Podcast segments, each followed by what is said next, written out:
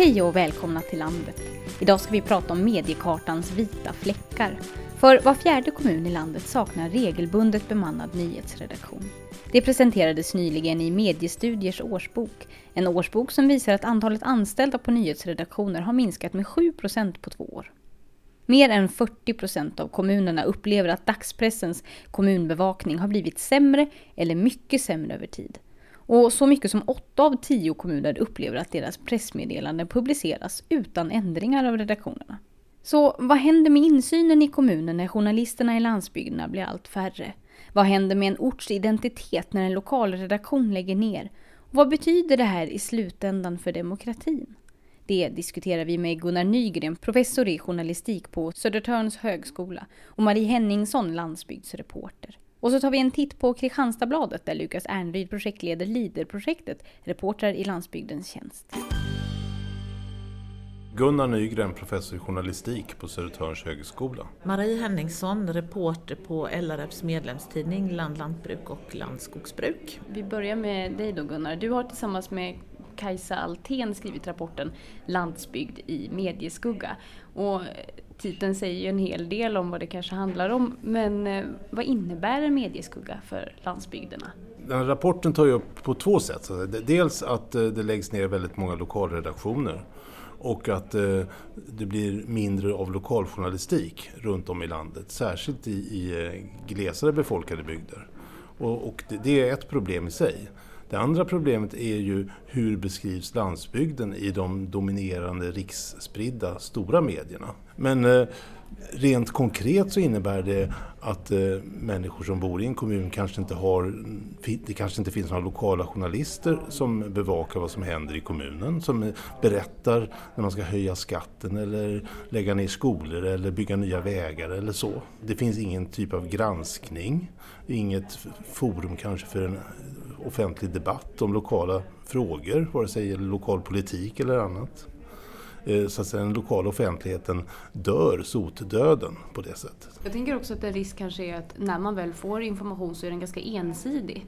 För det, så kan det ju vara i till exempel sociala medier att det rapporteras om någonting via olika Facebookgrupper och sådär. Och att, att, om det då inte är journalister som har, har berättat om det så kan det bli ganska ensidigt. Och att rykten blåses upp och den typen av problem också. Ja, det är ensidigt på flera sätt. Alltså vi har ju sett då i undersökningar som vi har gjort att just sociala medier, lokala Facebookgrupper har blivit den viktigaste informationskällan om lokala nyheter för många människor. Särskilt för de som är under 50 så är den viktigare än lokaltidningen.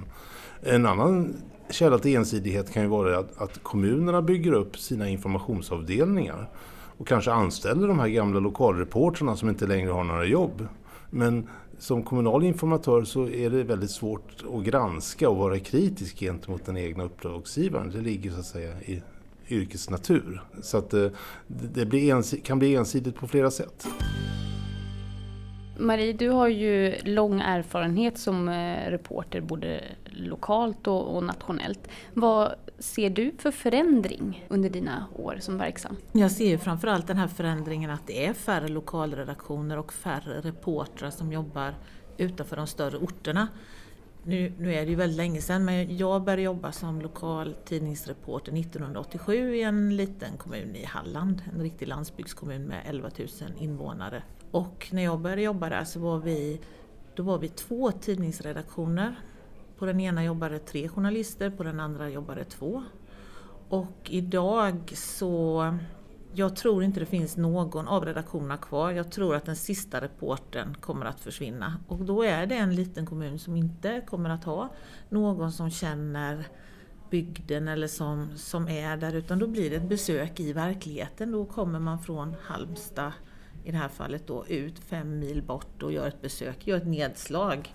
Och det blir lite liknande de här nedslagen som får kritik ibland när SVT åker ut till, jag kommer inte ihåg vilken ort det var, Åmål eller någon kommun och man gjorde ett nedslag. Man, man känner inte, man kommer bara på tillfälligt besök och möter en eller ett par personer som ger sin bild istället för att ha en hel, helhetssynen på de frågor som är viktiga försvinner. Och det är en väldigt stor förändring. Och Gunnar nämnde ju det här med hur många fler eh, kommunikatörer det finns på kommunerna och det är inget, det är inget motsatsförhållande att det finns kommunikatörer. Ibland underlättar det ju vårt journalistiska arbete att vi vet vem vi ska vända oss till. Men det är ju en maktförskjutning då att att man eh, friserar, det är så lätt att ta budskapet direkt från kommunen istället för att åka dit och hitta någonting i diariet. Och det finns ju också en koppling då till eh, alltså medierna har en granskande roll som då håller tillbaka korruption och, mm. och när man gynnar sina egna intressen och, och såna här saker. Finns inte den här ständiga granskningen från oberoende medier, då är det mycket lättare att den här typen av svågerpolitik och korruption växer på det mm. lokala planet. Under min tid då som lokalreporter när jag jobbade så var den här Motala-skandalen som Britt-Marie Citron lyckades avslöja. Och idag är jag tveksam till om man hade klarat det. Jag vet inte hur den lokala bevakningen ser ut. Och det, det fick ju verkligen ett genomslag över hela mm. landet. Det var ju hur många personer som helst som fick stå till svars gentemot medier. Och där, det är ett typexempel på hur demokratin försämras med mm. en mindre medianärvaro, tycker jag. Det här är i, i slutändan, den här medieskuggan då som vi pratar om nu, det, det är ett demokratiproblem? Ja, så man, man, medieutredningen pratar om lokala medier som en del av den, demokratins infrastruktur. Så att säga. Har man inte lokala medier i, i någon form så får inte människor veta vad som är på gång i samhället, vad som planeras. Och man, man, då kan man naturligtvis inte reagera eller protestera eller agera Nej. för att påverka. Utan då blir det som att kommunpolitikerna håller på på sitt håll och planerar och genomför saker och folk är på sitt håll och får inte veta. Det blir ett ganska uppdelat samhälle då låter det som. Ja, jag vet inte vad jag ska svara på det men jag, jag känner att kanske lite mer ointresse från invånarna också. Man blir ju inte så engagerad om man inte får veta vad som, vad som händer. Och får man veta det får man veta det för sent och då blir man mer arg och frustrerad. Och jag tror att det, det kan öka på vad vi kallar politikerförakt också. Mm. Att man får veta mm. saker och ting för sent helt enkelt för att kunna påverka det. I det bästa av världar så fungerar det ju så i demokratin och det fungerar så med fungerande lokalmedier att man man vet en sak tidigt, man skriver om det, folk reagerar, det stöts och det blöts och det finns en opinion och till slut så når man ett beslut som väl inte alla är nöjda med men alla har ändå haft besked, fått veta vad som har hänt. Mm. Och där tror jag är ett jätteproblem. Finns det andra områden också som, som man går miste om inom näringsliv eller jobbmöjligheter eller den typen av grejer? En jätteviktig bit tycker jag är lokala mediernas roll för den lokala identiteten. Mm. Precis vad jag tänkte också. Att, att man, eh, alltså när man läser lokaltidning eller hör lokal regionalradio eller vad det nu är för typ av, då får man veta, man anknyter till det lokala samhället, man får veta ja, vad olika personer man kanske känner till eller känner gör och, och på familjesidorna är jätteviktiga, sportsidorna. Allting är viktigt för att stärka känslan av samhörighet, känslan av att man faktiskt är ett gemensamt samhälle. Där alla har del i, i detta lokala samhälle. Och man, man identifierar sig med sin bygd. Och det, det, är en enorm styrka så att säga, i utvecklingen av den lokala bygden, att få den här känslan av samhörighet. Och där har lokala medier en väldigt viktig roll. Så att säga. Min första anställning, den lokaltidningen jag började, började på, en väldigt lokal tidning, så sa VDn där att eh, våra läsare ska någon gång under sin livstid varit på bild i tidningen det är ju ändå en symbolik i det hela att man ska kunna, som du säger, identifiera sig med sin bygd, med sin tidning, rent kulturellt i mm. olika sammanhang. Sen om det är för att man, eh, man har gjort om skolmatsalen och jag står där som barn i kö eller om det är för att jag inte får någon plats på serviceboendet. Men att någon gång ska du varit synlig i den lokala mm. mediet. Sen tycker jag om man, om man ska ljusa upp bilden lite grann så kanske det är så att eh, vad vi har sett i, i ett forskningsprojekt på Södertörn är just att när det stänger igen lokalredaktioner så växer det fram nya typer av lokala medier. Och det är viktigt att, lyfta fram det, alltså nya gratistidningar, nya lokala nyhetssajter på nätet, eh, närradio. Men mest är det gratistidningar och sajter som, som har blivit väldigt många fler. Mm. Och väldigt mycket det? bättre. Ja, men vem är det som står bakom dem? Det är en väldig blandning ska jag säga. Är, ibland är det journalister som bara ser att nej, här måste vi ha lokala medier, här där jag bor. Och jag måste göra vad jag kan. Men det kan också vara missnöjda eh, ortsbor som tycker att de skriver aldrig om oss och när de gör det så, så är det bara elände. De, de speglar inte vad som händer här i, på vår ort, i vår bygd. Människors intresse för de lokala nyheterna är ju inte mindre idag. Absolut inte. Och när de stora medierna lägger ner, eller drar ner av, olika, av ekonomiska skäl och annat, då växer det också fram nya typer av lokalmedier. Jag håller mm. med dig för att, och det, det, det, vi nämnde innan här med att poddradio kommer, att man kan få, det finns ju ett oändligt utbud, men sen kanske då de här har ju inte resurserna att göra den här granskningen och bevakningen och kanske inte kunskapen. Och då, de kanske kan göra den här kulturella bilden, att åtminstone i mån av sitt intresse visa vad som händer i bygden. Men, men att ta det här att gå, göra det här jobbet att gå till, titta i diariet och hitta nyheterna och föra disk, leda en diskussion eller ha ett ledarmaterial som anknyter till bygden. Det klarar man ju inte av då. Så där är väl, som jag ser den stora bristen. Jag håller med, naturligtvis är det så att mm. eh, professionella journalister har en nivå och även om man har en god vilja så har man kanske inte tid och kunskap. Mm. Men eh, samtidigt, det, det, det, växer fram, det är något annat, en annan typ av lokaljournalistik. Som eh, kanske inte är lika professionell, kanske inte lika granskande, men som ändå blir viktig. Och som är rolig. För ja. det kan det ju också vara, alltså att man, där kanske man får synas i det mediet då. I den bästa världen skulle vi ha både och då av det här? Ja, alltså för att de fyller olika roller. Ja. Helt. Eh, och även lokala Facebookgrupper fyller en annan roll. Mm. Eh, det är liksom det lokala skvallertorget. Mm. Mm. det är inte journalistik, Nej. men det kan vara viktigt. Mm. Därför att där kanske man får Eh, veta saker. Evenemang eller om protester och så vidare. Jag har ett exempel på det där som jag ändå ser som en, en fara med det här. Det handlar om en förskola och det var någon oegentlighet som outades på Facebook och det blev en jättestor grej och det delades och folk rasade i den här eh, byn då. Och sen var det ju faktiskt tack vare att det fanns en vaken lokaltidning som kände att ah, det är något som skaver, är det verkligen så här illa? Och med lite efterforskning så visade det sig att det stämde inte. Absolut, jag har sett samma sak. I, jag bor i Gnesta som ligger i Sörmland. Då. Och där finns en väldigt stark eh, lokal Facebookgrupp som eh, i stort sett halva kommunbefolkningen är medlemmar i den här Facebookgruppen. Då. Men lokaltidningen Sörmlands Nyheter har ju då, bevakar naturligtvis den här gruppen då och plockar upp grejer och plockar upp an, andra grupper på Facebook. Och det var till exempel eh, en person i, i Gnesta som fick sin identitet stulen och, och blev alltså uthängd som nazist. Och, och, det var bara fejk allting så att säga. Men det kunde då tidningen berätta genom att granska det här. Så att som jag sa, de fyller olika roller. Och, och den ena kan inte ersätta den andra. Mm. Hur ser trenden ut framåt? Vad tar den lokala bevakningen vägen?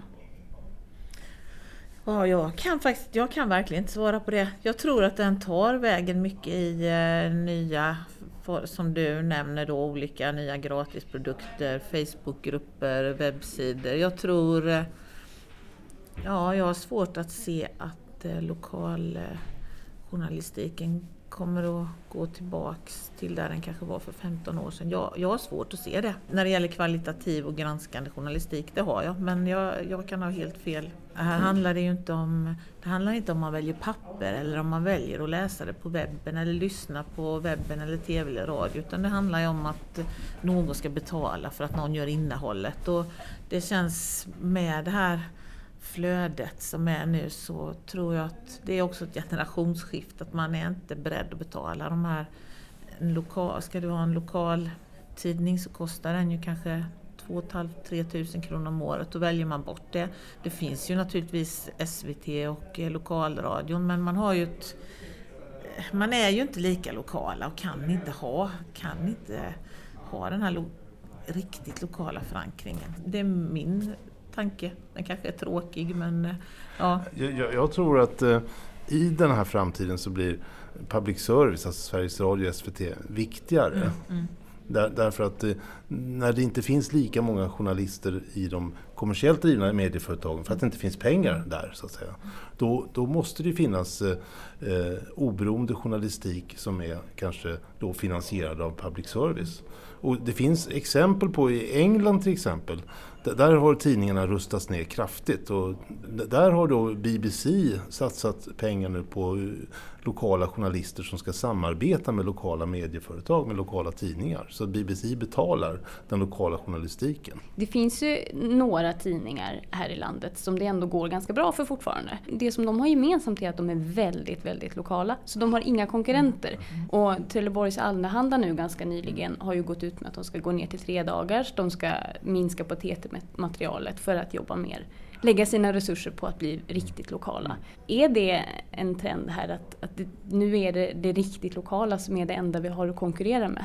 Ja, när vi är så slimmade på redaktionerna? Det är det vi ser när, när vi tittar på, vi gör undersökningar av redaktionella resurser och hur, hur olika redaktioner utvecklas. Då, då, ser vi att eh, de som måste dra ner mest är de regionala, mittemellan så att säga de stora redaktionerna på, Riks, på Dagens Nyheter och så vidare, de är, går det ganska bra för. Och de mest lokala går det jättebra för. Eller går det hyggligt för i alla fall. Jag tror också, precis som du säger, det här med lokala nyheter. Det är ju det man, man hoppas på att eh, det kanske är svårt att göra riktigt nya lokala tidningar men de som finns att de får en ett uppsving i det här då, i, med den lokala journalistiken och att man också visar, sen tror jag att public service är det har jag känt mycket nu de senaste månaderna, att det är på något vis ändå räddningen att eh, vi har en samhällsfinansierad radio och TV som, som eh, gör mycket jobb.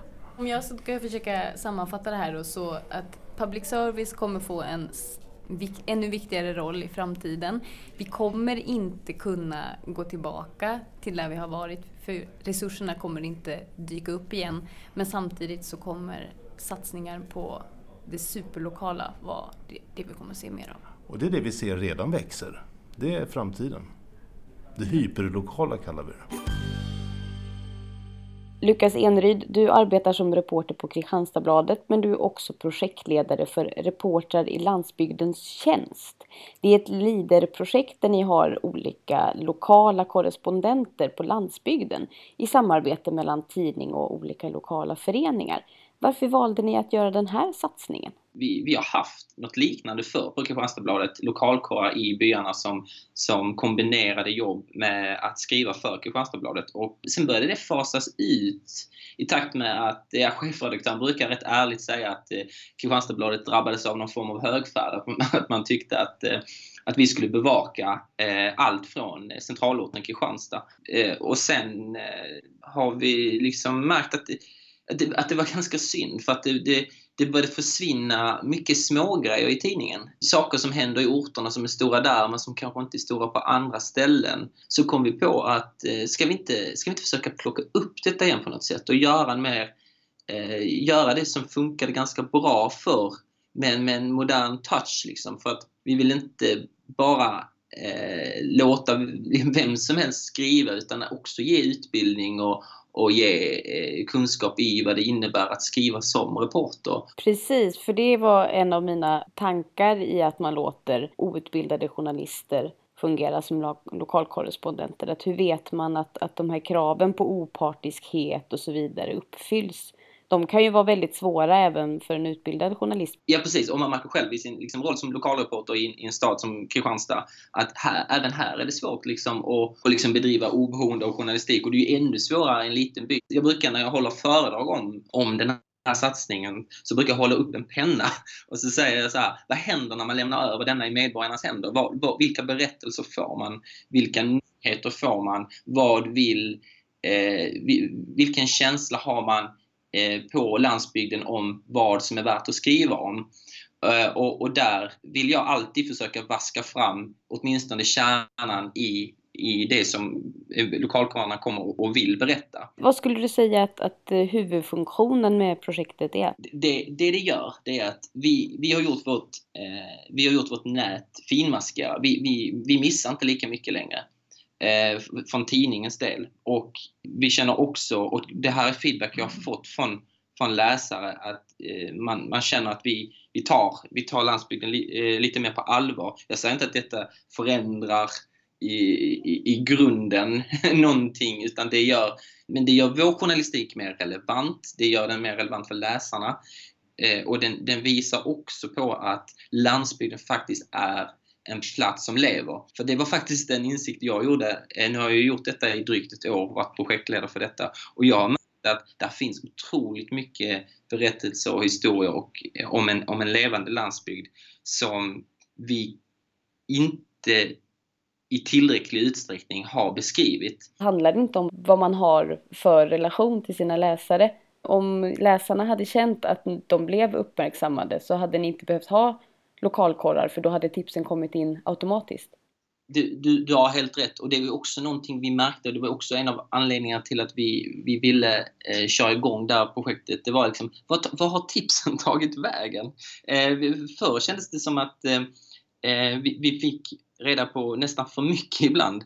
Och, och är det så att vi en gång har missat att åka ut på ett tips, då är risken stor att den, den bron är bränd till, till den personen. Det, så hade jag nog själv känt om jag hade tipsat tidningen och, och som inte hade kommit. Mm.